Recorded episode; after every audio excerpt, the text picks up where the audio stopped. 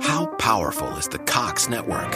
So powerful that one day the internet will let your doctor perform miracles from thousands of miles away. Connecting to remote operating room. Giving a whole new meaning to the term house call. Operation complete. The Cox network. With gig speeds everywhere, it's internet built for tomorrow, today. Cox, bringing us closer. In Cox serviceable areas, speeds vary and are not guaranteed. Cox terms apply, other restrictions may apply.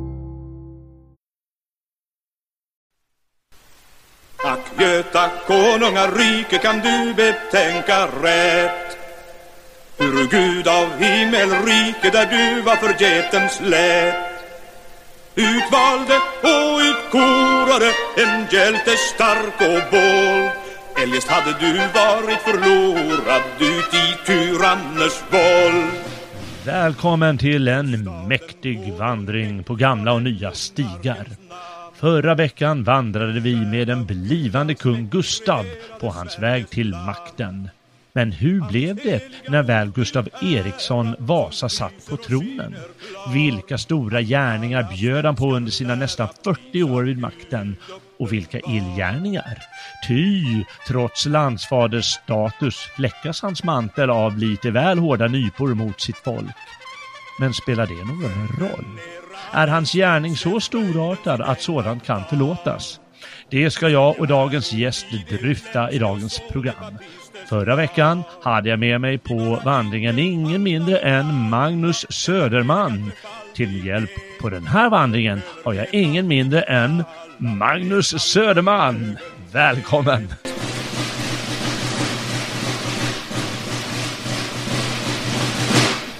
Tack så mycket, tack så mycket. Vad kul att få återigen eh, besök gamle kung Gustav här och se vad vi kan eh, komma fram till den här gången nu när han är krönt och klar. Eller ja, han är ju långt ifrån klar kan vi ju konstatera. Ja, just det. Men han, han är i alla fall ganska nöjd tror jag.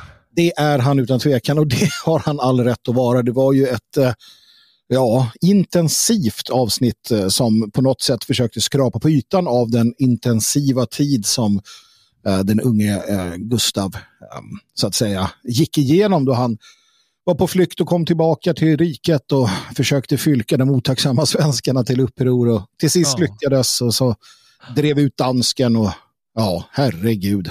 Ja, du sa ju att det gick undan och det, det är nog tur sånt där för den här sortens människor att det går undan. Mm. För, för du vet om det tar för lång tid, ja men då halkar man efter eller kommer någon annan jobbig typ och bråkar eller ja, så här, men liksom du vet, du vet som amerikanerna säger när man är in the flow, va? Det, bara, det bara flyter på, va? man surfar fram där och plötsligt sitter man på tronen. Mm. Och inte, det är ju liksom inga små grejer. Unionen, 100 år gammal, upplöst. Sverige eh, har en svensk man på tronen nu. Det hade man ju bitvis under 1400-talet också, men på allvar nu när unionen är upplöst. Och eh, den här, trots allt, killen från ingenstans, han, Mm. han bara grundar då vad vi då kan kalla en, eh, inte modern, en nationalstat, men det man kan kalla liksom eh, en gryende nationalstat. Och det är ett av världens äldsta länder om man ser på en, en nation, en monarki eh, på det sättet. Ja, absolut. Eh, Visst, visst är det så. Och det sker liksom i, någonstans sker det lite i skymundan också från resten av Europa. Sverige har ju länge, vi, vi får ju vänta fram till stormaktstiden egentligen innan, innan vi blir en världsspelare. Så att ehm, det är inte så många som lägger märke till vad som händer heller. Så att även, om, även om kung Gösta hade brevkontakt med bland annat eh, Luther och så där vet vi. Men det är fortfarande lite så här vid sidan om. Och, och jag vet inte, jag tror att det finns eh, ganska många positiva aspekter av det också, att Sverige har varit som det har varit och legat här och legat. För att vi blir lite lämnade i fred. Va? Man, man har ju nere på kontinenten så mycket att stå i och det är ju fruktansvärt vad de bråkar med varandra. Mm. Ja, och då är det lite att, att eh, ja, vi kanske blir lite lämnade därhän, vilket naturligtvis ger ett visst lugn för, för att skapa och bygga eh, ett rike, eh, vilket eh, kungen då företar sig. Ja, Ja, det är sant. Eh, samtidigt ska man ju ha klart för sig att eh, Östersjöhandeln var ju väldigt viktig, eh, Mm, absolut. onekligen. Och för norra Europa spelar ju de här länderna, det är inte bara Sverige, utan det är ju givetvis alla spelare där. Mm. Danmark i första hand med, med, med Öresunds och, och tullmöjligheter och så, och liksom möjligheter att släppa in vilka de känner för på banan. Mm. Men sen även då Hansan givetvis, och, och så Sverige, och i sinom tid Ryssland också. Precis, och, och, och Hansan är ju, det är ju en stor spelare och de är naturligtvis väldigt, uh, väldigt intresserade av vad som händer med, med Sverige såklart. Och det är därför man Uh, Lybäckarna hjälper uh, Gustav och ja, de hjälpte ju dansken också lite grann. Och så där. så ja. de är också ganska nöjda nu för de känner att här har vi en av våra uh, lakejer som ja, just på tronen. Det, ja. Tills de blir sugna på något annat. Det dröjer inte så länge. vi ska se under programmet. Vi ska nog beröra lite om hur, hur man måste tackla sådana där typer. Sådana där ja. Mm. Ja, men jag tänkte vi ska försöka ha en prägel på, på avsnittet. Vi ska liksom undersöka lite hans kungagärning, eh, som jag sa. Och vi försöker göra det lite ur, ur en nationell eller eh, nationalistisk eh, synvinkel. Mm. Liksom vad då, då hans vad, vad, han tog sig för som kung och genomdrev, vad det har för betydelse för liksom, nationen Sverige eller för den nationella känslan. Mm. Ja, det tänkte jag. Och jag menar, de, de, stora grejer som, som brukar tas upp, de, de har ju med det att göra. Det, det är först reformationen. Mm. Mm. Och det betyder jättemycket, inte minst språkligt sett. Ja, ja. Eh, kan ju bara se, jag tänkte liksom reformationen passar den strävsamma svensken, om det nu kan vara på det sättet. Eh. Utan tvekan är det ju så. Alltså reformationen är ju i mångt och mycket avgörande. Uh, det frigör ju väldigt mycket. Kronan frigör sig ju från eh, påvestaten och man frigör sig från, från den påvliga internationalistiska eh, inflytandet. Och, redan här blir det då en nationalistisk nationell prägel. Det kan man titta på eh, om vi går ännu längre tillbaka i tiden så har vi haft eh, ätter i Sverige där, där somliga har varit nationalistiskt lagda i det att de tycker att eh, liksom det ska eh, Eh, kungar eller biskopar eller vad det ska vara ska tillsättas genom då uh, herremännen i, i, inom riket så att säga, medan andra tycker att det är påven som ska bestämma och så vidare. Och här gör man sig av med um, alltså den, den, den, internationalistiska påverkan på något sätt. Så att det, det är ju själva grunden för att skapa en... Eh, alltså för, för det som, det som sedermera kommer i spåret av det här, det är ju om vi går framåt i tiden till Gustav II Adolfs tid eller liknande, när, när, när, vi, när vi får en utpräglad förståelse av oss själva i ett så här gudomligt perspektiv. Svensken blir en, en, en liksom gudomlig, uh, vi blir en del utav, eller vi blir ett gudsfolk någonstans på vägen och så vidare. Mm. Och det är sånt som bara kan komma i eh, i reformationens spår naturligtvis. Så att för, för den nationella själv, självkänslan och för insikten om sin roll um, och, och sammanhållningen i folket över tid så är det jätteviktigt att reformationen sker. Ja, äh, självklart är det det. Och man, man, kan ju se det även som liksom, sättet att hålla ihop nationen bättre när man har mm. en eh, självständig spelare mindre. Dessutom som du sa, eh, inte styrd men, men, men delvis styrd från påven i, mm. i Rom, långt bort ifrån Sverige. Ja, men det är klart att det gör det. Och, eh, och, vi kommer komma tillbaka till liksom lite detaljer, vad det är som händer och vad som genomförs och så. Men jag tänkte bara att vi skulle kolla lite i stort här med den nationella gärningen av de här sakerna. Och man kan när det gäller reformationen även då säga att eh, Eh, Bibeln den översattes ju därmed till svenska. Ja. Och eh, det betyder ju oerhört mycket. Sverige hade ju inte ett, eh, vad man kan kalla ett fast skriftspråk. Det låter jättekonstigt där, men alla länder i alla tider har, eller alla riken eller alla folk och så, har genomgått den här konstiga processen där man, man har inget språk att skriva på riktigt. Nej. Och i den mån man har så skriver alla lite olika, för det mm. finns ingen norm. Mm. Ja, men nu skapas då en norm. Och vissa saker är jättekonstiga som det här mig och dig och så. Det är ju ingen svensk som någonsin har sagt det tror jag. Nej, Utan de har alltid sagt mig och dig. Men, men eh, de, eh, Olaus Peter och grabbarna, de tyckte ja men nu ska vi ha det så här. Intressant bara att lägga in det där. Vi, vi, vi tog aldrig upp det förra avsnittet, men just det här med, med Gustavs namn, alltså mm. Gösta och så vidare. Det, det bygger också det förr i världen. Du hade liksom inte det här klara och tydliga att du hette Gustav, utan det kunde vara i någonstans så var det just Gösta och Jösse och Gustav och Gust, Gust, alltså Gusten Mm. och gud vet vad. Och, Mm. och det var inte så det var inte så noga helt enkelt. Det där blir ju också mer uppstyrt då när man börjar stava då Gustav på ett visst sätt möjligtvis Jo. eller annat. Ja, det är sant. Och det, det är ju framförallt i vår moderna tid som det har blivit eh, totalnorm. Men på Mm. 40-talet skulle de ju bara, en adelsman skulle ju bara skratta åt det. Och om du inte fattat, ja men det är ju en skillnad på vad jag säger och vad jag skriver. Ja. Och jag är adelsman så jag skriver ändå vad jag vill. ja, men det håller på med att ja, men det ska stavas på exakt ett sätt och det ska alla människor i alla tider följa. Mm. Det är som du säger, just Gustav, han, han var ju nöjd med, bara de visste vem man var, så, Ja.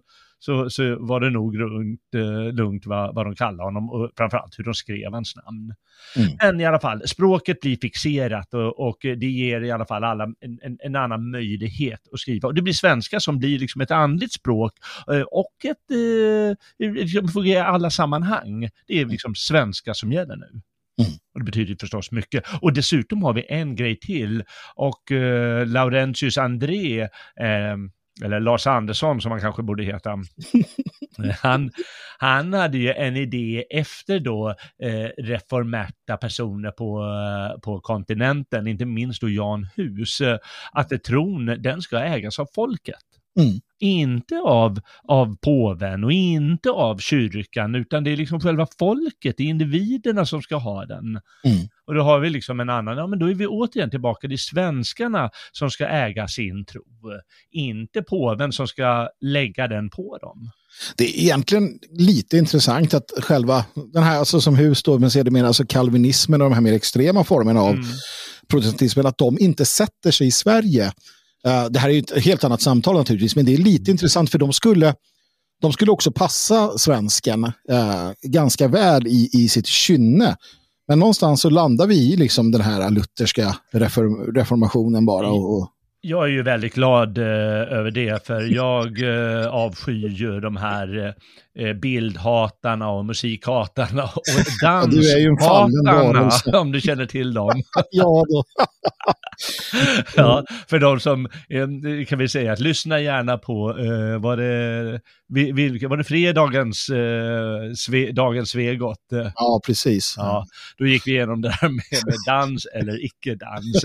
Nej, men eh, vad man får och inte får framställa och så vidare, vad ska an- anses syndigt och så vidare. Och när de rensar ut kyrkorna, vissa reformerta eh, eh, religionsstiftare, Ja, jag är väldigt svårt på. Jaha, det ska vara naket och vitt alltihop. Ja, alltså det var ju en, en protobolsjevikisk eh, tendens som, ja, utan Ja, just det, det kan man kalla det för. Ja, det, så det, det är inte fräscht, det är det inte. Ehm, det, det kan vi vara överens om faktiskt. Ja, det kan vi göra. Men, eh, men tron i alla fall, eller reformationen är givetvis viktigt. En annan sak är givetvis eh, den, är en, den andra stora reformationen som man genomför och det är att Sverige blir ett arvkungadöme. Alltså en väldigt stor förändring. Oh, måste ja. man ha klart för sig. Ja, Men eh, det, det fanns ju tendenser liksom, under väldigt lång tid i många länder att man ville ha det för att kunna stabilisera makten. Givetvis för att, att se till att min släkt sitter vid makten, men också stabilisera riket. Mm. Jo, där tror jag att, eh, utan att hänga upp mig för länge på det här, bara att det, det är viktigt det du säger, för att många kan då använda det och säga att ja, han var bara ute efter sin eget berikande, och det, det är inte sant. Alltså. Nej, nej, nej, det är absolut Ja, inte. utan, utan det var en förståelse för att jag vet bäst, eh, jag ska sköta det här och min släkt ska liksom sitta kvar på tronen, det ska inte bli bråk när jag dör helt Mm. enkelt. Och det, är en, det är ingen dum tanke liksom, efter att ha sett eh, hur det har sett ut som sagt i tronföljden och bråk och, och, och så vidare. Så det är en ganska logisk konsekvens när man tittar tillbaka på svensk historia att, eh, att, att det kan vara bra tycker han. Ja, jag menar det är liksom varje, varje släkt, vare sig det är en adelssläkt eller en bondsläkt, de har ju brottats med det där. Och det var liksom stora problem under medeltiden och det finns flera böcker om det där. Hur, vem ska ärva? Jag, jag, har, jag har tio söner liksom. Hur Mm. ska jag göra med jorden? Ska allting delas upp? Mm. Och sen så kommer de att dela upp det igen. Det slutar med alla har ett par kvadratmeter var att odla på. Mm. Ja, det är jättekna- jätteknepigt det där och då är liksom principen med äldsta sonen kanske är, är en naturlig princip och har ju blivit det på många sätt. Men, men många gånger har det bara delats. Alla riken. Som Ja. Karl den stores eh, eh, otroliga rike, nästan halva Europa, Ja. bara delas på en gång, eh, för sönerna måste ju ha sitt. Så delas det i tre riken och så finns det inget eh, Frankrike längre, utan ja, det det blir Tyskland och livsfarligt också. Det blir livsfarligt för att i, i, i, i, den tiden då eh, konungen dör eh, så kan ju främmande makt passa på antingen att muta och, och fixa eller starta krig. Ja, ja, För att man har ingen central ledare. man ska göra klart för sig en sak, att eh, på den här tiden, och fortfarande under Gustav Vasas tid, då tänkte inte folk i sådana abstrakta entiteter, utan man tänkte i personer. Så det. Sverige var alltså Gustav, det var Gustavs rike. Mm, Det, var han mm. som, det var hans rike. Och om man eh, startar krig mot eh, Sverige, då var det egentligen Gustav man eh, startade krig mot. eh. Ja, precis. Det Ja. där är viktigt att komma ihåg. Får, ja, precis. Man får inte glömma det. Så när man säger så här främmande makt, ja, men då är det snarare det är en annan person som kommer dit eh, och eh, ja. håller på. Precis. Eh, inte nödvändigtvis hans ja. folk, utan det är liksom han. Mm. ja, det är rätt fascinerande. Det är kul, för vi, vi glömmer ofta hur annorlunda det är. Och jag Ja. tänker, jag har haft elever så här, jag kommer ihåg när jag höll på med, med Caesar här för några elever och försökte förklara för dem att ja, men, när han gör allt det här, trodde det är han för hans egen personliga vinning. Mm. Och de här snorungarna, de var övertygade, ja vad skulle det annars vara? Mm. Ja. Men liksom, fattar inte att Karl har lite större perspektiv. Men eh, folk är, är låsta, man gör för sig själv. Vad skulle Mm. annars vara? Mm. Mm. Fascinerande. Nåväl, arvkungadömet, eh, men ja, vi, vi, vi återkommer till det. Men det är viktigt för att hålla ihop riket. Men jag tycker att det är en, eh, en negativ sida vid det, det är ju att det här med valkungadöme är ju väldigt vackert. Ja, det är det. det Folken eller landsändarna, de väljer en kung och godkänner honom. Mm. Och eh, ja, Ja, det är det vi har haft eh, innan, eh, som sagt. Ja, Mm. och man väljer sin härskare, man väljer sin, i, princip sin envåldshärskare. Och, de som gör det är ofta lagmännen, alltså, eller de friborna, fri, fria bönderna. Eh, som väljer, go, eller snarare godkänner liksom, den, den Mm. Sen i Sverige har det varit så att han har ju fått rida Eriksgata. Mm. Eh, och det har ju vid flera tillfällen hänt att kungen slås ihjäl under denna Eriksgata. Ja. För att man kände att nej, den här jäveln skulle vi inte ha. Och, och lite Mm. beroende på vart du var då, så i Västgöta, eller så här i de här Västra Götaland och de här, då hade de en viss rutt, de red och sådär. Och, och ja, eh, ibland blev de liksom bortjagade för att man inte var överens just. Och då hade man en motkung som satt någonstans. Vet. Mm. Mm. Så det var ju lite rörigt också. Ja. Um, men- jag gillar ju idén eh, att, att liksom de fria männen och kvinnorna kan jag tycka, eh, fria familjerna väljer eh, sin... Eh, men det finns en instabilitet där. Det finns ett problem i det också. Det, det gör det. Så att, det är ju onekligen så. mm, jag, är nog, jag är nog för, om vad säger det, jag är för en, en arvs, ett arvskungadöme och sen då en, en riksdag av fria, som väl så fria män eh, som eh, samarbetar. Ja, okej. Eh, då vet vi det. Vi springer vidare här. Nu berör vi bara i, i, allmänhet de här punkterna. Ska vi gå igenom dem lite noggrannare sen. Eh, givetvis är det viktigt att eh, för den nationella sammanhållningen att Gustav Vasa är den praktiska man han är. För han lägger ju grunden eller bygger en stark grund för nationen genom sin, sin förvaltning och sin förmåga att, att tvinga fram en förvaltning också. Han Mm. tvingar ju bönder eh, och, och prästerna att föra bok över varenda jäkla kotte där ute i landet och allt vad de har för sig. Mm. Mm. Och det är ju det är nödvändigt nästan, det, alltså han var ju överpedantisk, det finns ju inget land som har till exempel sån, eh, eh, sånt källläge som Sverige har. Just för att han tvingade bönderna att vara så flitiga. Och det blev ju tradition sen. Men här skulle i alla fall kollas allt som händer i riket för att eh, ja, kunna förvalta det på ett bra sätt. Mm, så var det. Så var det. Och eh, ja, så är så man lägger grunden för någonting. Eh, Grundlig, eh, god organisation. Väldigt viktigt eh, är ju liksom den symboliska rollen han får som landsfader. Mm. Nu vet inte jag hur lång tid det tar, men det är ju nästan så att vi ska beröra vad som händer eh, riksdagen i Västerås eh, 1527. Det är liksom mm. nästan att det, det, kommer väldigt snart den här landsfadersrollen. Mm. Och det betyder ju väldigt mycket för att staten ska känna sig stabil, att eh, okej, okay, ja men vi, vi godkänner honom, antingen för att han är hårdhänt va, och ger oss smäll på käften, eller för att han har den auktoriteten som behövs, eller bara för att vi tycker, ja men han, han är jäkligt bra den där. Mm. Ja, men visst. Och, och konungen här själv, Gustav, han är ju han är uppenbarligen väl medveten om detta. Ja. Så att han, han jobbar ju på att eh, eh etablera det. Han var ju en, en han var ju en, en, fantastisk reklamman för sig själv, det får ja, man ju ja, säga. Ja, det är han. Och fantastisk talare.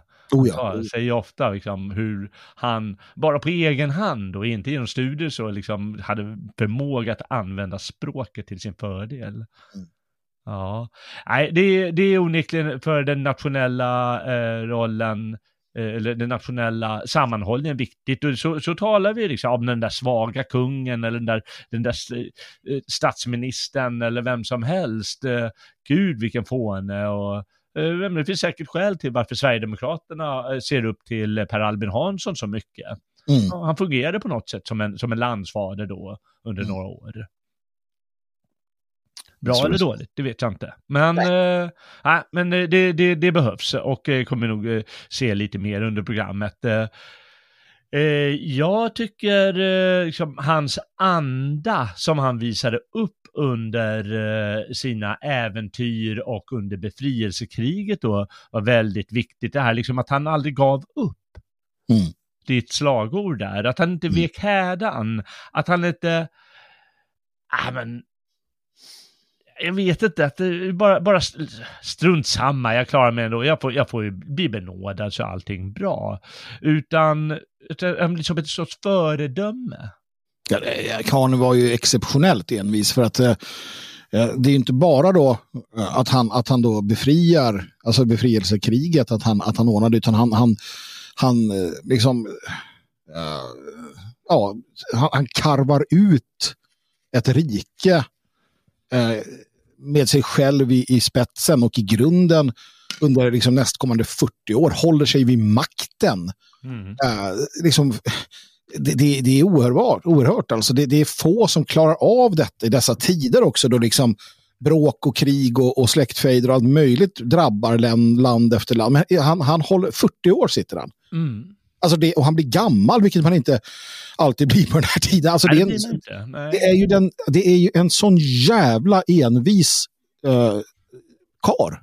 Ja, ja, och uh, på så sätt blir han ju föredöme för liksom att en, en man från, ing, inte från ingenstans, men liksom från all den sit hopplösa situationen han har, kan åstadkomma underverk. Mm. Och liksom för kommande kungar, eh, som Gustav Adolf eller Karl XII eller Karl XI eller Gustav III eller vem du vill, eh, hur, hur, han blir ett föredöme för dem. Eller liksom att man lär ut i skolan, ja, ska ni veta Gustav Vasa vad han lyckas åstadkomma, mina gossar.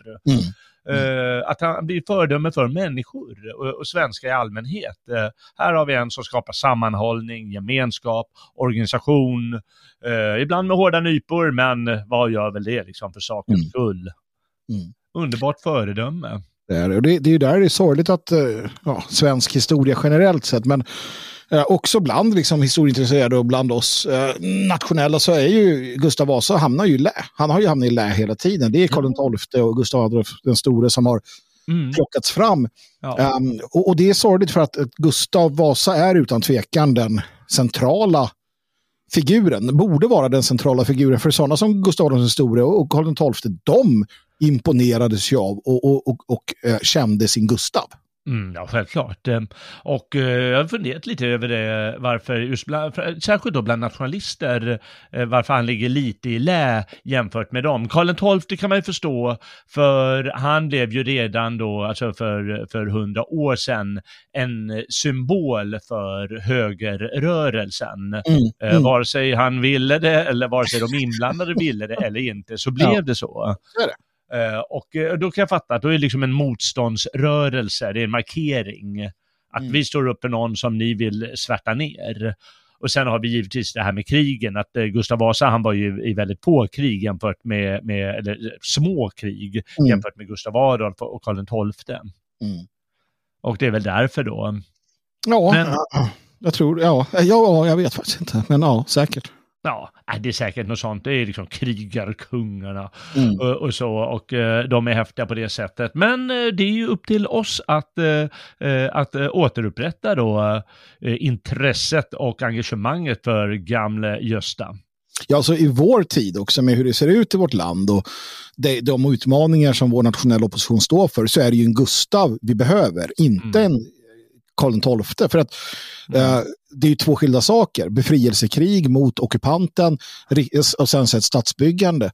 Eh, det är ju där vi är. Vi är inte i att vi ärver en stormakt som är nationalistisk och storvulen och, och ödesbestämd som, som Karl XII och som då kan rida ut med den makten i ryggen. Det är två skilda saker. Så att det är Gustav vi borde titta på. Mycket klokt sagt, hörru. Det, det, jag har inte tänkt tanken själv, men ligger väldigt mycket i det du säger. För vi har ju precis samma problem idag. Mm, precis. Ja. Nej, bra sagt. Eh, eh, Och du berörde i förra avsnittet att eh, alltså det sorgliga att det inte gjorts en, en, en stor film.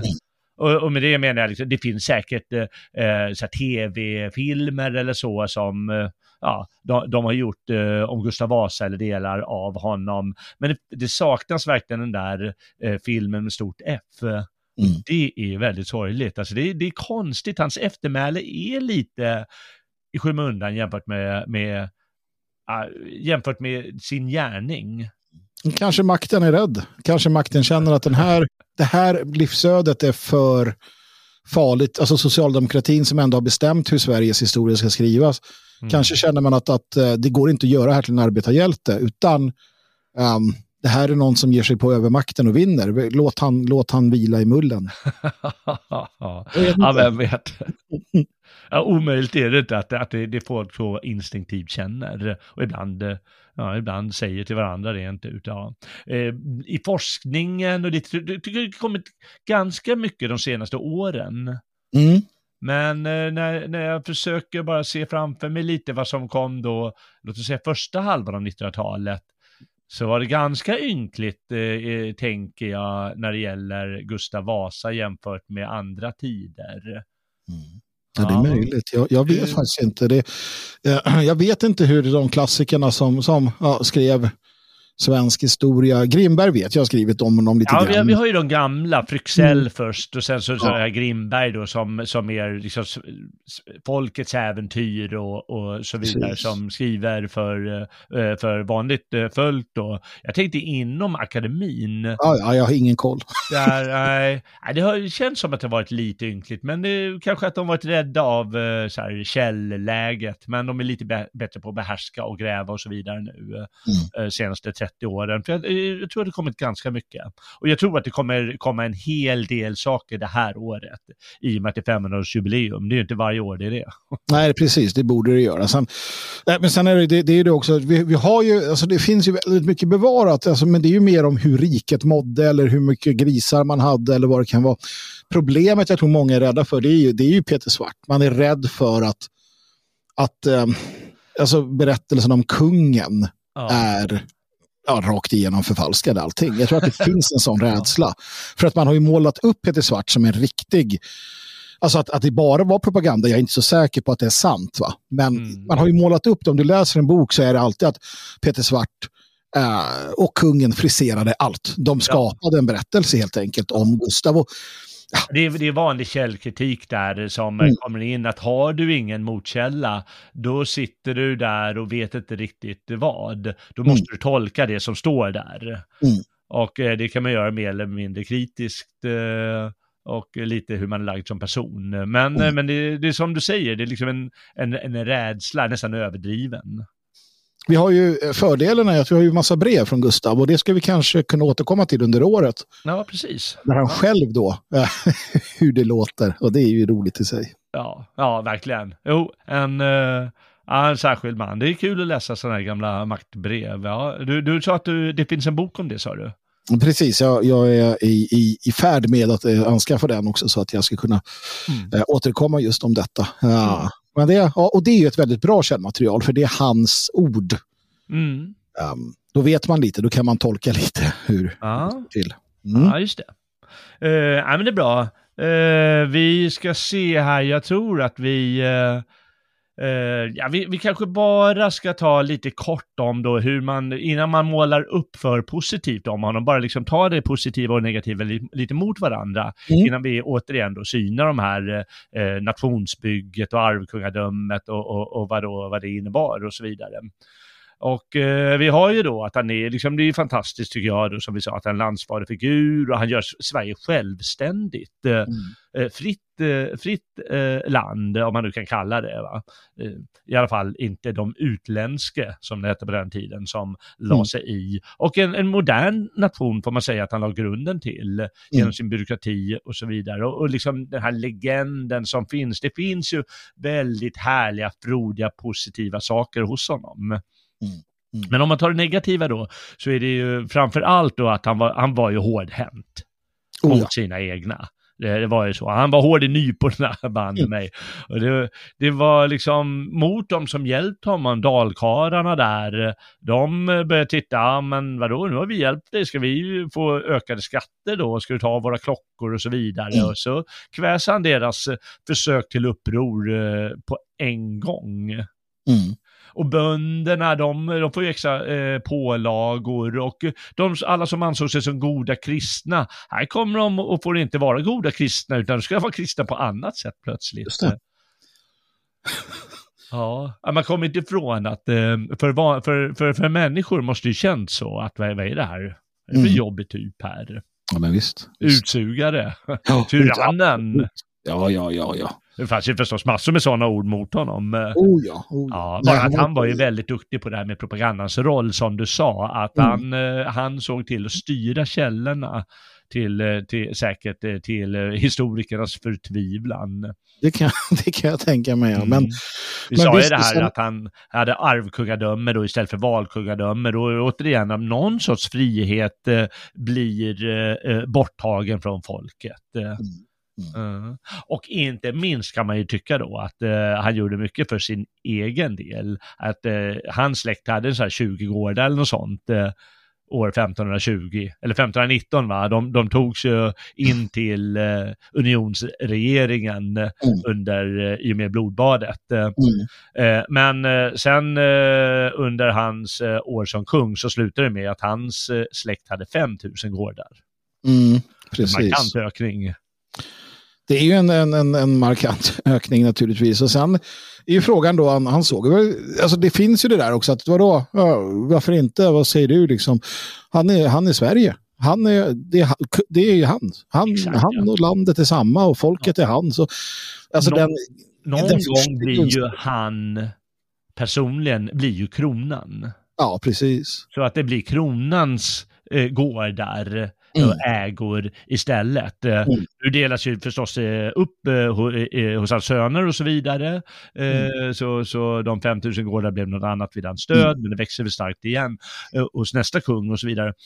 Men, men det är som kronan har ju, det blir ju så småningom staten Mm. och inte den personen. Sen finns det ju, nu, nu har jag inte liksom, eh, jag har överhuvudtaget inte läst in mig på just de delarna, men det finns ju forskning eh, som också bygger på liksom beteendevetenskapen av idag och, och människor som funderar kring, okej, eh, det här som han var med om, de här sakerna som hände, hur påverkar det en människa? Vissa gör det väldigt dåligt, andra gör det bättre, där de försöker väga in just eh, hur, tiden, hur tidsandan var, hur människor levde, men också så här, okej, vad, vad innebär det när din släkt utrotas i blodbadet? Mm. Vad innebär det? Vad, vad gör det med dig som människa? Och det är där den här, äh, alltså vi har en, en kung som, som är, han är ganska gnällig. Eh, Det kan vi konstatera i, brev och liknande. Han är jävligt otålig och han, är, han litar inte på någon alltså. Nej. Och det, det där bottnar kanske i alla dessa år utav liksom vad, vad, vad han var med om och hur det liksom hela den delen. Sen var folk hårdare för.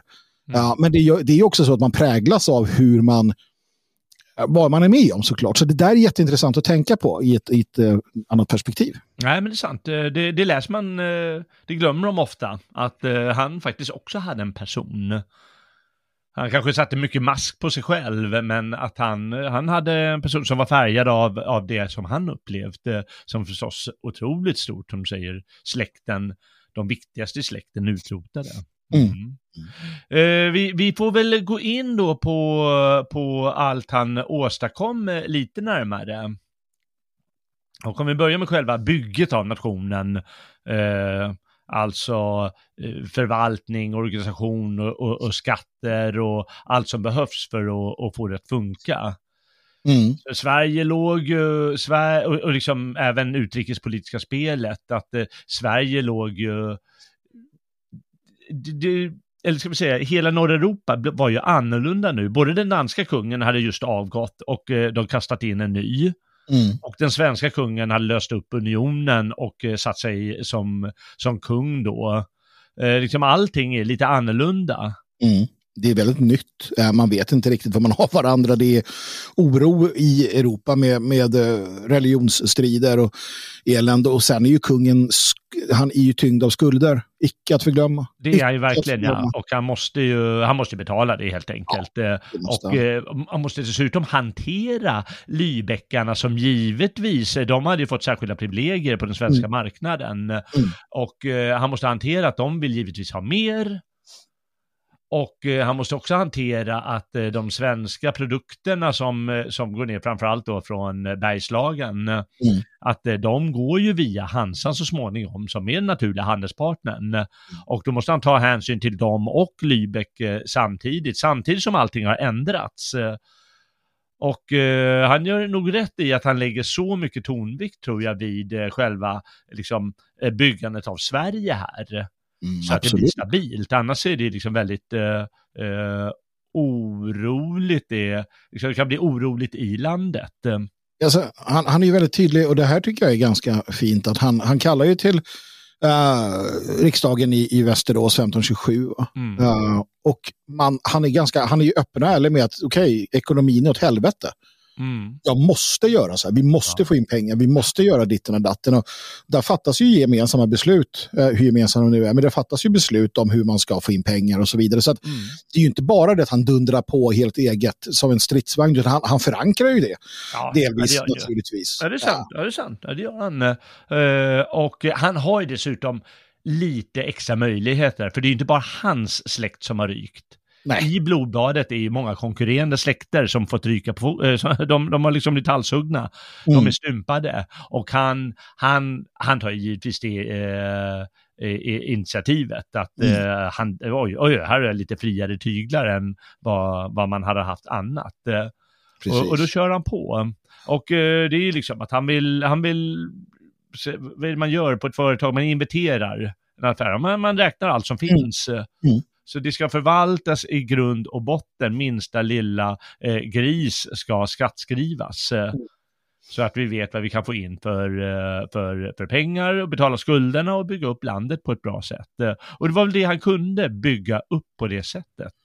Ja men precis och sen vet han väl där någonstans också att han kan, även om det är lite av ett vågspel, men som du säger, många, många uh, adelssläkter och, och, och sådana som, som vill ha upprättelse, de vill ha tillbaka sina jag menar det de hade innan, eh, innan blodbad och så. Och, um, att ge sig på kyrkan i det här läget är uh, ganska klokt. Ja, Speciellt eftersom det är oroligt i Europa. Det finns, ingen, det finns inget samlat påvedöme längre. Utan, utan det är väldigt sådär. Och då kan han göra det och där finns ju pengar. Mm. Uh, och, och, jag tror att adeln är ganska överens om att uh, men en ny lite reformation har väl ingen dött av, tänker de. Okay, ja. ja, jag vet inte. Jag tror det var lite blandat. Några var, var för, det berodde på lite säkert vad de hade för makt så är det. ambitioner. Folket om det gynnade dem inte. eller missgynnade ja. dem. Det är, det är ju fascinerande ändå när det kommer till kritan så handlar det om men hur gynnar det här min släkt? Absolut. Men folket är ju inte särskilt nöjd med reformation. Folk är ju inte det, precis. Det är... det är ju en, för han har ju grundat eh, sin, eh, sin framgång just på allmogen. Mm. Det är mm. de som hjälpt honom till makten och det är de som alltid har gjort eh, uppror när makten kommer med sådana här knepigheter. Precis. ge sig på dem. Och vi ska Mm. väl se lite vad det är. Men, men det är ändå säkert ett klokt drag att, att ge sig på kyrkan i det här läget. Mm. Men en viktig sak, eh, sak när det gäller nationsbygget, eh, det tycker jag är den här eh, symboliska grejen med landsfadern. Mm. Och det, det, liksom- man ser ju att nu kom, börjar det komma tavlor som förhärligar kungen. Eh, visst, vi har till exempel i Storkyrkan den eh, Sten Sture och, och draken, Sankt Georg och draken Mm. det är ju Sten Sture och danskan, eh, eller eh, vilken riksförståndare det är. Eh, Men, men det är på något sätt, det kommer lite mer så här att nu ska vi förankra nationalstaten symboliskt. Vi har Mm. den här nya Vasakärven som vi pratade om i, i Just förra det. programmet. Mm. Att han, han gör om alltså sin, e- sitt eget vapen. Mm. Och, och så gör en ny väldigt stilfull eh, Vasakärve. Mm. Och den är som du säger, den, man, man ser ju det direkt, det här, här har vi något som binder samman. Just det. Här har vi någonting som talar till allmogen. Här har vi någonting som liksom bygger upp genom eh, eh, att det är, är eh, gröda. Ja. Mm. Nej, Symbolen då, symbolen kung, jag tror det betyder väldigt mycket. Självklart, människor älskar, människor älskar symboler, man sluter sig kring dem, man, man dör för medaljer. Liksom. Det, Mm. Det var därför de gjorde uppror också, allmogen, mot honom. Just för att deras symboler, deras heliga symboler i kyrkan Mm. eh, togs ifrån dem. Mm. Och eh, han, framförallt mot slutet eh, av eh, sin, sin tid som kung, eh, då började han ju använda tyskar mer. Tyskar var ju mycket bättre på det där med eh, att vara fogdar och att vara tjänstemän och eh, de kunde det byråkratiska hantverket. eh, ja, och eh, utlänningar då, de kanske kan vara lite hårda mot, eh, det, mot ett annat folk då. så är det ju. Det finns ju en orsak till att man i, i svensk polis gärna förlägger Malmö, eh, Malmöfödda poliser i, till eh, Stockholm och flyttar om människor. Ja. Du ska inte, för- förvaltare utav ett rike ska inte ha för mycket känslomässiga band till de som ska förvaltas. Mm. Ja. Och tyskarna i sin tur har ju en, en, en feodalstat, alltså ett feodaltänk som, som absolut inte eh, fanns i Sverige. Det är ett vågspel. Eh, det är ett vågspel hela tiden det han håller på med. Alltså dels med, med kyrkan men också de här Eh, utländska fogdarna och, och sådär. För att det där kan, ja, det, det smäller, ju, smäller ju några gånger och eh, så. Men han, han lyckas balansera och det är väl säkert flera gånger som det bara är ren tur för honom att han inte eh, själv liksom går under i ett bondeuppror. Ja, ja, säkert. eh. Och han insåg eh, i och med Dackefejden så insåg han, eh, för den var ju väldigt allvarlig, det var ju det absolut allvarligaste upproret Mm. och eh, kunde ju lika gärna gått under riket eller blivit av med, med hela, hela södra Sverige, alltså Småland och, och eh, delar av Västergötland och så vidare. Eh, men han eh, insåg vikten att ha en, en folkarmé. Och eh, där fanns, eh, under hans tid så började det här med en stående folkarmé komma till stånd. Mm. Det som den karolinska armén hade väldigt stor nytta av. Som indelta soldater eller liksom väl eh, eh, eh, duktiga svenska soldater som slåss för sin kung och sin Mm. tro och sitt folk. Eh, Nej, men det är jätteviktigt. Det, är jätteviktigt för att det, hittills har jag haft, eh, alltså, du har haft då, alltså, dalkarlarna, de är ju, det är ju Dalarna och sen har du Småland, det är Småland. Nu blir det mer eh, centrerat kring kungen såklart och sen ser administrationen och det där är något som Oxenstierna sen tar vidare och så vidare och så får vi det vi, vi, vi landar i sen med nationalstaten och idén om en folkarmé och så vidare. Mm. Ja, eh, det, det, det var sånt som hjälpte till nationsbygget när man tittar lite de mindre beståndsdelarna. Eh, vi sa ju där, liksom, den absolut viktigaste beståndsdelen, det var ju att hur ska det här gå vidare sen? Och att det Mm. blev ett arvkungadöme var naturligt, det var inte bara i Sverige där sådana här saker hände. Eh, och eh, givetvis fanns det eh, syftet då att det är hans egen ett som Mm. ska få mycket grejer och det är de som ska eh, styra vidare. Men givetvis finns där bakom eh, det här med att makten, att Sverige ska leva vidare som makt. Och då är det jättemånga som har frågat honom, "Ja, men det här har ju hänt tusen gånger, varför gör han samma sak? Mm. För det, han låter äldsta sonen Erik eh, eh, ärva, tro, eh, ärva eh, tronen, Mm. men sen så gör, ger, gör, ger han hertigdömen åt eh, Karl och Johan. Mm. Och, och även då Magnus fanns det ju en, eh, eh men han dog tidigt, eller han blev galen, ja. han, han, blev, han var ju sinnessjuk. Mm. Ja.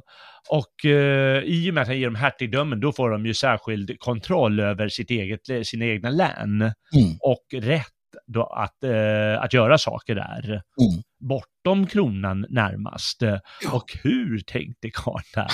Ja, det, är en, det är en bra fråga. Uh, jag vet inte. Alltså, det, det, är svårt att förstå för att han var så noggrann med så mycket. Men just där så fallerar det fullständigt. Och det, det ser vi ju sen. Alltså, det där blir ju väldigt tydligt vad det lider när, när det går vidare sen. Ja, ja, ja, man undrar ju om det, ja, Karl kanske var tossig på äldre dagar eller något. ja nej, men det var ju väldigt viktigt för honom. Precis. Han måste det, ju tänkt igenom det ändå. Ja, men det måste han ha gjort. Och jag tror att det finns också en hel del, jag tror att det finns just i breven en del bevarat kring hur han tänkte. Mm. Eh, jag tror jag läste men jag har inte det sådär. För, för som du säger, det är som all, alltså, allting sker minutiöst. Den enda jag kan tänka mig som är lik Gustav Vasa i, i hur han styr riket, det är ju Fredrik den store. Mm. Um, i Tyskland då, Fredrik och Preussen. Han var ju också, du vet, han red runt och sa åt bönderna, nu ska du plantera på södra åken. Ja, just det. Ja. Du, alltså, det var ju fullständigt, alltså samma kontrollbehov som Gustav. Mm. Um, och de var ju duktiga förvaltare, duktiga på det de gjorde. Mm. Uh, så att allt är ju genomtänkt, allt. Och det som du säger, jag vet inte riktigt vad han tänkte där. Nej, det kanske inte fanns så många val. Nej, så kan det ha varit också. Att, kanske rädd för att om jag ger eh, äldsta sonen kronan så dödar de honom. Ja. Det var ju inte helt ovanligt heller. Det var det inte. Nej, det gjorde de ju här också. Jag försökte i alla fall. Blev, ja, jag fick blev, låsa in karln till slut. Ja, jo, men det, precis.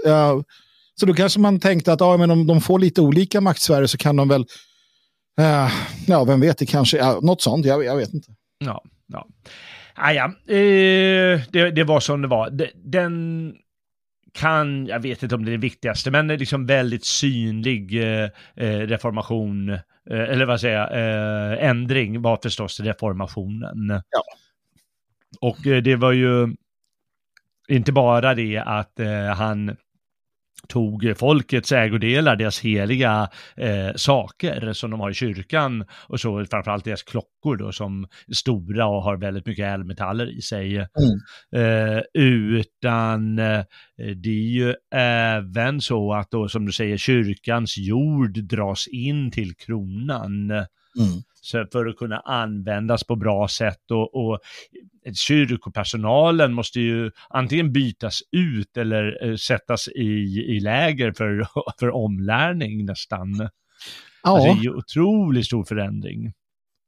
Jo, men det är det ju. Uh, och uh, det, det, kyrkan har ju liksom själv någonstans uh, under åren um, satt sig i en position där de ville vara en politisk storspelare. Det här ska man komma mm. ihåg också, för många så här, ja, taskigt mot kyrkan. Nej, uh, kyrkan var ingen liksom andlig institution som bara ägnar sig åt själar, skitprat. Det var en politisk storspelare med arméer och makt och pengar. Och att de behandlas som vilken annan jävla politisk makt som helst är inte konstigt eller fel. Nej. Så att den katolska kyrkan ska bara hålla käften. Ja. För att de var inget annat än maktspelare. Och kungen, ja, de har förvisso fått folket att följa dem, men kungen näpser till dem. Han mm. tar mm. över, han krossar maktspelare, han etablerar en ny politisk religiös ordning och folket inlämnar sig i detta. Så att någonstans tycker jag också att det är dags att riva av det där. Jag är så trött på alla som gnäller om att han var taskig mot kyrkan. Det var inte, ja, precis, det var en politisk motspelare. Punkt slut. Du, eh, du, du har helt rätt i det, men det är bara att titta eh, vilka var det som var biskopar och, och hade andra eh, präst, eh, prästerliga eh, titlar på den tiden. Mm. Jo, det var givetvis adelssläkterna som såg till att sätta sina, några av sina söner där. Ja. Det får man ja. aldrig glömma. Och det för att där finns det, det, det ja, maktfördelar. Där finns Precis. makt och eh, där finns det fördelar att få. Och eh, kyrkan var ju också eh, frälst från skatt. Mm. Mm. Mm. Så, att, så att när man säger, och det gör man ju, alltså, ja men visst han, han, han eh, snodde åt sig saker. Och, och, visst, folket kände väl att de hade någon tillgång till det, liksom med dalkarlarna och var lite ledsna över sina kyrkklockor och sådär, absolut. Mm. Mm. Men i grund och botten så vad han gjorde var att han plockade, han plockade saker från, från som sagt en annan politisk maktspelare. Ja. Som hade vunnit eh, folkets hjärtan och, och, med tiden så vinner ju han mer och mer utav, ja, i alla fall, det, det, det svetsas samman ett folk. Um, det gör det. Gör det. Mm. Eh, då ska vi se, då ska vi eh, då ska vi gå vidare med den här, eh, eller in, in, på detalj lite med den här reformationen. Eh, vi, vi, vi, känner ju alla till med eh, att, eh, att, eh, att det blev den lutherska tron som kom, att eh, det snarare är, man står, kyrkan står under kungen istället för mm. påven som vi har sagt eh, och så vidare. Det, det, är inget konstigt och man använder det för att, eh, för att kunna betala skulder och mm. öka kungamakten och i viss mån eh, kungen den egna makten. Men liksom att man samtidigt ser till att en maktspelare, liksom om man har tio brickor, Eh, så är det ju jobbigt att hantera alla tio. Så om man mm. kan bli av med en, två, tre stycken, då, då är allting lite lättare plötsligt för, för mm. staten så att säga. Mm. Uh, och uh, det var väldigt viktigt för honom. Ja, och visst. det var ju så viktigt att han, han var beredd att sätta riket på spel. Och här har vi en av de roligaste, vad heter det, tillfällena i svensk historia. Berätta. Nämligen man gör där vid den här riksdagen eh, i Västerås 1527. För prästerna, de säger att det där är helt olagligt. Det, det kommer inte på fråga. Mm. Mm. Han har ju de här eh, Laurentius André och Laus Petri som, som eh, vill eh, driva igenom det här. Så han har ju flera präster på sin sida, men liksom ett stort antal av dem sa att det, det där är onödigt. Nej, nej, nej, aldrig mm. livet. Eh, biskop Brask, han sa att man måste lyda påven mer än kungen. Eh, de har inte ens rätt att avstå sin lagliga egendom, menar han. Eh, en adelsman eh, höll med. Uh, och uh, ja, ganska många tänkte att ja, men det här kan vi nog hantera. Och då gör kungen följande. Han ställer upp och säger, är det så? Då har jag icke lust att vara eder konung. Nog hade jag förmodat mig ett annat svar av eder. Nu kan jag icke förundras över att allmogen är galen och visar mig all olydighet, harm och förtret, eftersom jag förnimmer att de hava sköna tillskyndare. Får de icke regn, då skyller de på mig. Får de icke solsken, göra dem lika så. Händer de hårda år, hunger och pestilens eller vad det kan vara, måste allt jag bära skulden, liksom de inte visste att jag är en människa och ingen gud. Detta är och tacken för att jag genom stor hjärtan sorg och bekymmer skaffat så mycket spannmål hit in i landet, råg och malt ifrån främmande land, på det att detta fattiga svenska folk icke skulle utstå det eländet att de skulle så jämmerligen svälta ihjäl. Men jag må arbeta för ert bästa så mycket jag än kan och förmår, antingen i andliga eller världsliga saker. Jag har dock inte ett annat att vänta i lön än att i att yxan sutte i huvudet på mig. Men i viljen icke själva hålla i skaftet.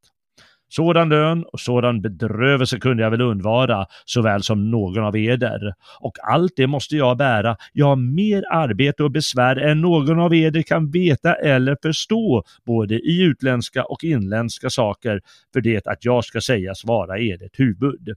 I vilja nu sätta mig över huvudet både munkar och präster och allehanda påvens kreatur fast vi hava föga att beställa med hans höga biskopar eller andra. Uti en summa sagt, I viljen alla döma och mästra mig, och jag haven korat mig här till eder konung. Men vem kan på sådana villkor vara eder konung? Jag tror att den sämsta i helvetet skulle inte vilja göra det, än mindre någon människa.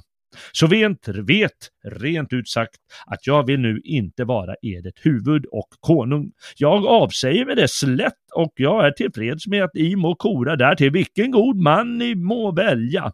Kunde ni få den som i alla motto och alltid kan vara er allom till behag, såg jag det gärna var den beredda att lösa mig redligen ut ur riket och att först betala mig för varje tumsbredd av fasta jordetorvor som jag här äger och sedan vad jag kostat på riket av mitt eget.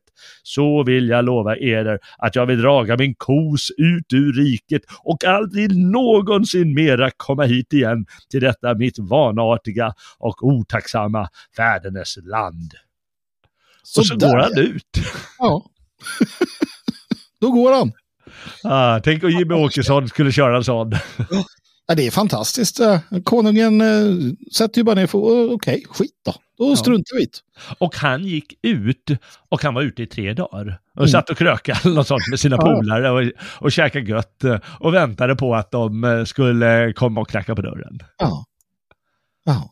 ja, men det är ju återigen, det är som du säger, här, här är han ju här är han ju beredd eh, på, alltså han måste ju någonstans vara väldigt, alltså han vet ju någonstans att det kan bli så här nu. Ja. Mm. Allting kan, han, han kastar tärningen igen och Mm. bara ja, tänker att jag litar på min egen förmåga, min egen kraft och eh, jag gör så här. Och ja, det kunde ju ha slutat precis annorlunda. Ja, ja. Men tänk om, ja, nej, men vi är beredda att eh, du får sticka. Då hade han ju antagligen varit tvungen att skicka kräktarna för att, Oh, ja. och genomföra det med våld. Oh, ja, det Och då hade ju allting sett helt annorlunda ut. Ja. Men det hände ju inte, utan de gick eh, och eh, med, med svansen mellan benen gick de Mm. tillbaka till honom Mm. och sa, men nu Gustav kan du inte komma in igen. Mm. Ja. Och det är ju viktigt för att han blir ju alltså eh, godkänd, vald eh, och, och, och liksom eh, kan alltid hänvisa till att ni har valt mig. Mm. Sluta tjafsa. Ja, sluta tjafsa. Och eh, därmed får han igenom sin vilja och eh, det blir då en, en reformation i, i landet.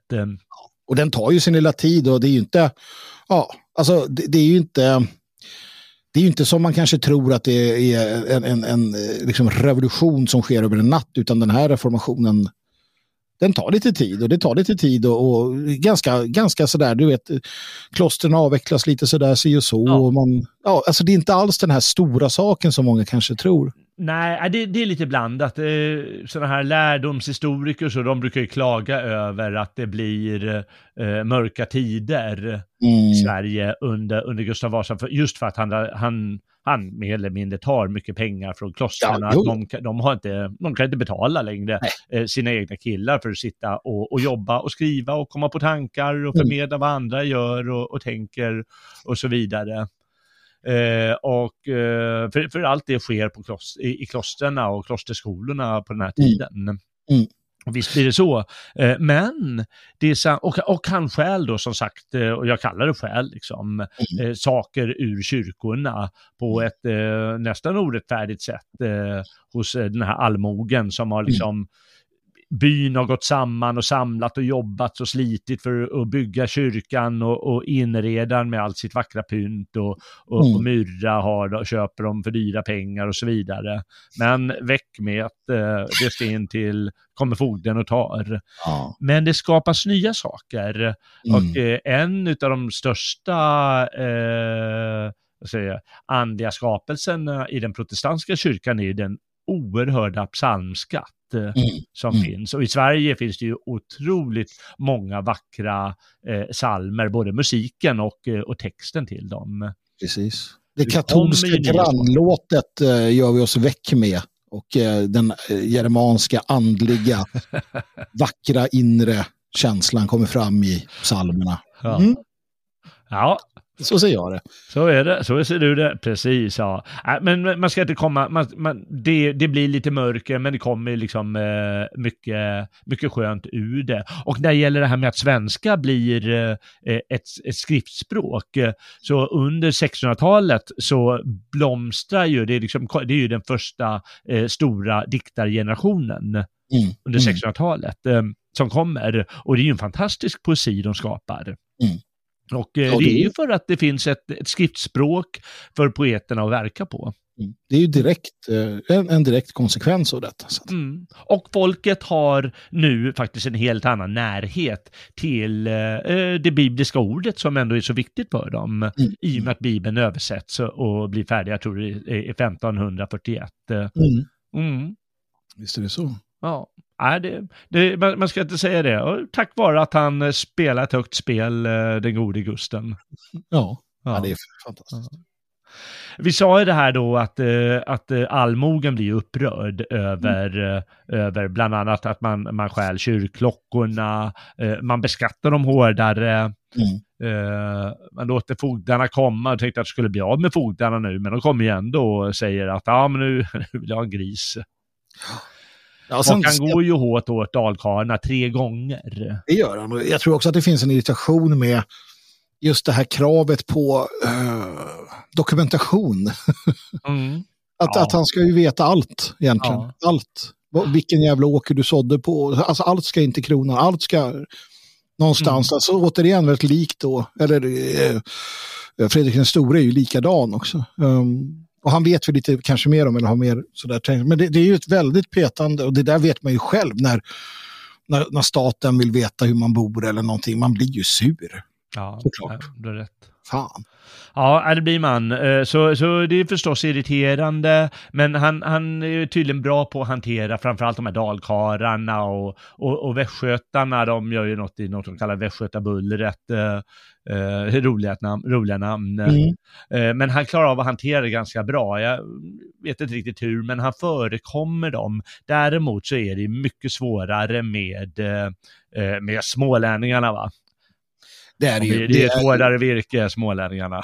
Mm. Jo, och det är ju som han, han, uh, han är ju tydlig med att smålänningarna, de är ju värre än både Lybäckarna, värre än juden, alltså värre än, än, uh, värre än alla. Alltså smålänningen är det värsta som finns, det, det, det har han konstaterat. Ja, ja. Usch, fan, ja. Småland är också ett gränsland, så det är mm. lättare för dem att, uh, att skapa en sån situation. Mm.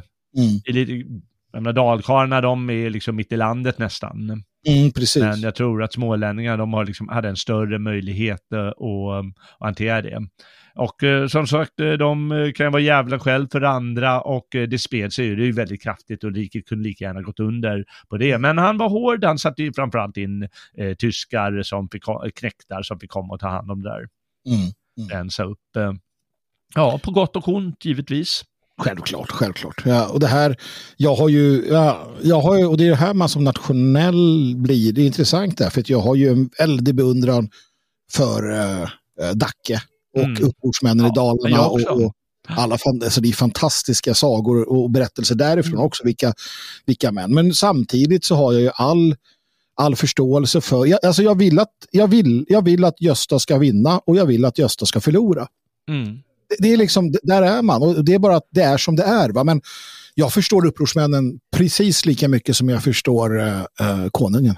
Jag tycker det är jättebra att du säger de där sakerna, för det är många som tror att ja, men här måste man välja parti. Mm.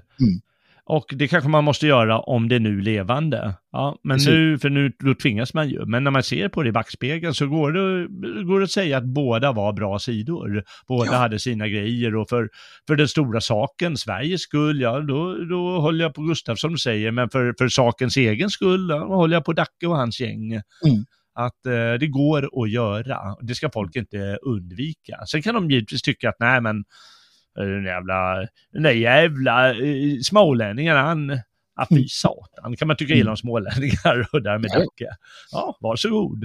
Men mm. man kan faktiskt hålla eh, på saker i huvudet samtidigt. Mm. Det går. Ja, för det är det, alltså, mycket beror ju också på vart du Hade jag varit smålänning eh, på den tiden, då hade jag ju med största sannolikhet följt Dacke. Mm, antagligen. Hade jag inte, hade varit upplänning, ja men då är det klart den där jäveln, han ska vi trycka till, vad fan det är ju livsfarligt, dansken står vid gränsen och han håller på och muckar med kronor, vad är det här liksom? Ja. Hela riket eh, kan ju falla. Ja. På tal om dansken, som en sista grej kan vi säga det här med utrikespolitiken. Och eh, eh, han slängde ut i unionen, så är det danskan ur riket och därmed unionen och freden brukar kallas Malmörecess 1524. Mm. Och redan då slog sig fast, danskarna hade en ny kung. Just och vi det. sa ju förut, det är ju inte Sverige och Danmark som slagits, utan det är ju Gustav och den danska kungen Kristian. Ja. Och därmed så kan man säga att den nya kungen Fredrik, eh, vi kan gott vara goda, goda grannar med varandra. Ja, herregud, de var ju bästa vänner. Ja, såta vänner. Och, eh, och det, det det skulle de bli i Danmark och Sverige ett litet tillfälle. Jag mm. ska säga en sak, att han, han på något sätt blev han ju överkörd diplomatiskt, eh, kungen. Mm. Grämde honom hela livet tydligen. Mm. Och det var att eh, på något sätt eh, skulle det ingå, tyckte han, att Gotland skulle komma i Sverige, till Sverige. Ja.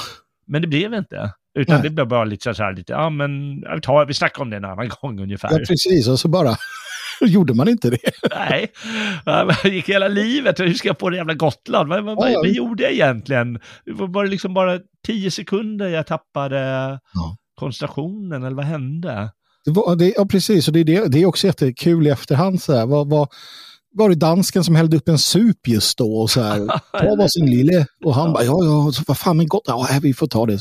Ja, det, det är jättespännande, så det där är också så kul just, och han går hela livet och är så jävla sur över det där. Ja, du. verkligen. Ja, det är fascinerande. Men eh, när, det var, när det hettade till, då tvekade jag inte att hjälpa dansken här, särskilt som han själv tjänade på det, eller landet tjänade på det, och det var det eh, problemet när eh, danskarna, jag tror att dan, dan, kungen dog eller något sånt, då skulle de välja mm. ny kung. Och hur ska vi göra det? Och, och, Dan, och Lybäckarna, de, eh, de körde sitt maktspel och ville se till att de får sin kung. De ville rent av ha tillbaka Kristian den andre. Mm. Eh, och, eh, och, Sverige ville hjälpa danskarna för att förhindra Lybäckarna och få ner deras makt eh, givetvis och få bort deras privilegier från, eh, när det gäller svenska varor. Mm. Ja, och eh, därmed hjälpte han eh, dem. Och, och, och danskarna och svenskarna vann mot Lybeckarna. De fick eh, vackert segla hem. Precis, och, jag tycker det, det, är viktigt att förstå det.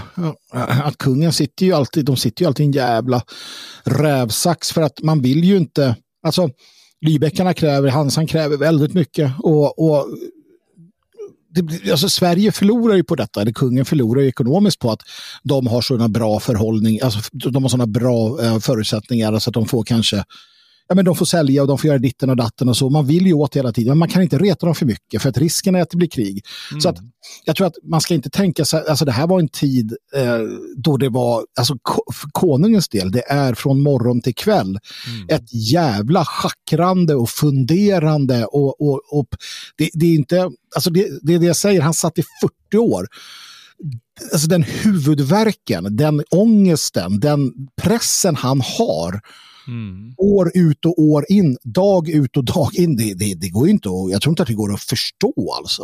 Nej, Nej det är som man säger att eh, de anar inte hur mycket som är på mina axlar, Nej. kungen. Och så kommer de och, och regnar så blir de sura på mig liksom. Precis, och, och, och, faktum är ju också att kungen har ju en överblick som ingen har. Dalbönderna kanske skitar för att han tar klockorna, men han ser ju också att gör jag inte det här, mm. vad fan händer där och mm. där och där? Mm. Ja. Och det är så där liksom. Ja, det är så. Eh, och i slutet av sitt liv då var det lite eh, i krig med Ryssland. Eh, just Finland var han ju också mån om att eh, eh, liksom utveckla, erövra lite nytt land och så vidare. Och till slut så, så står man ju där som vanligt med, med ryssen framför sig. Mm.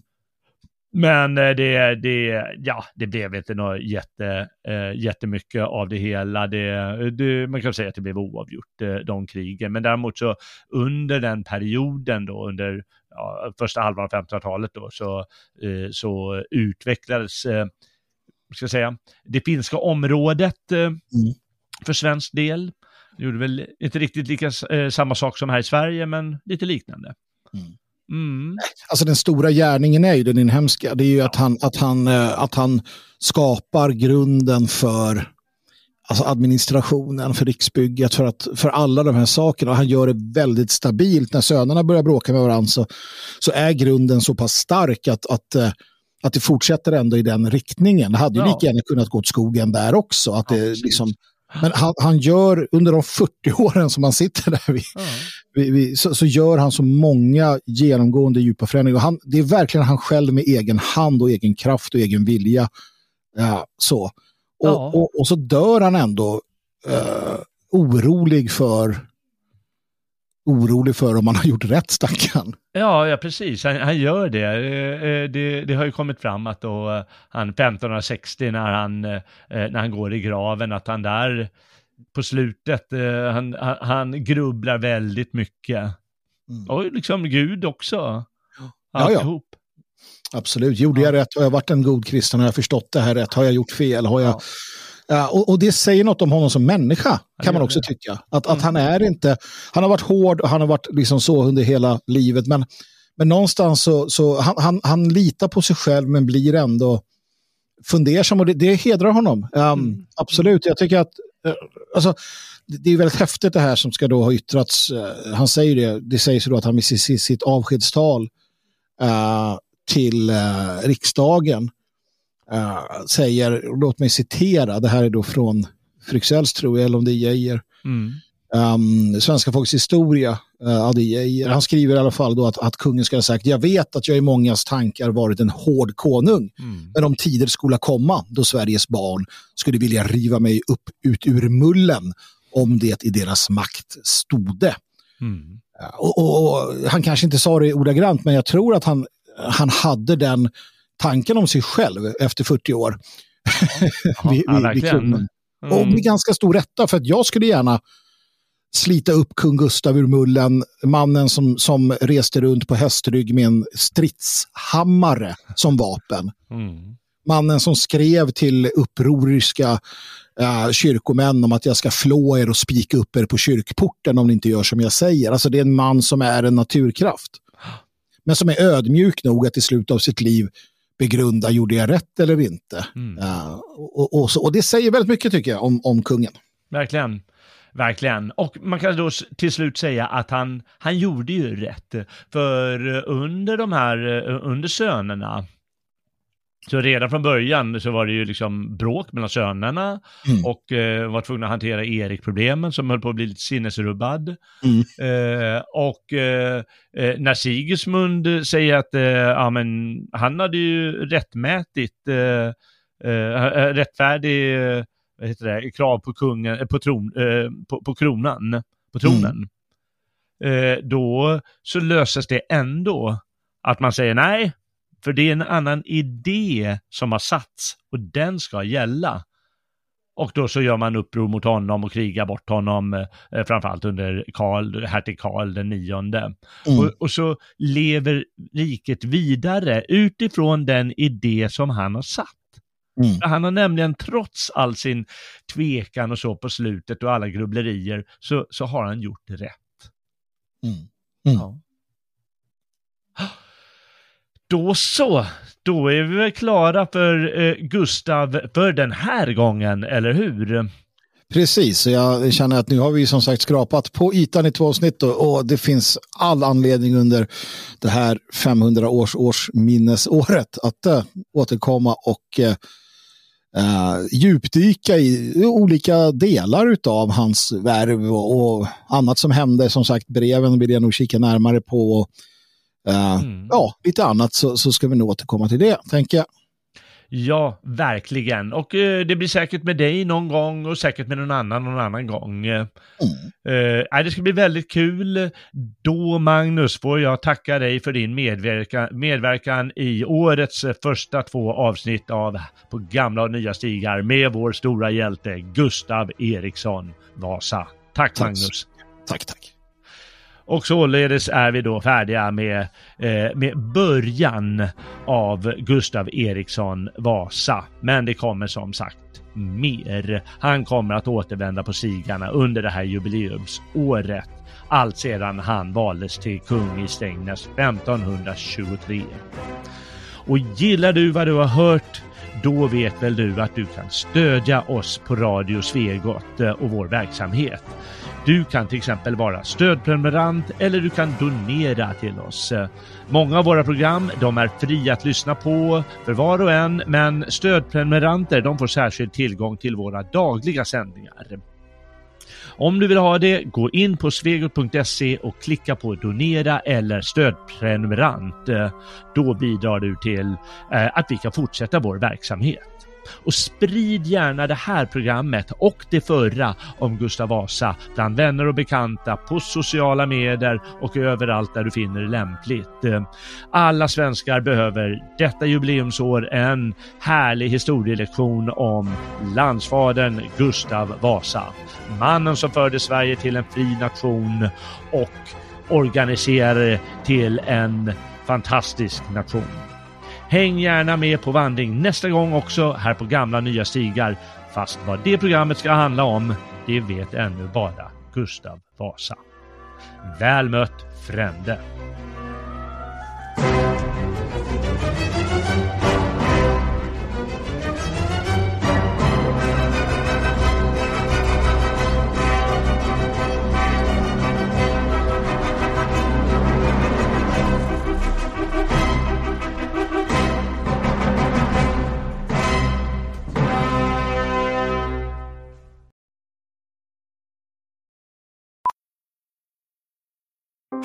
Powerful is the Cox network?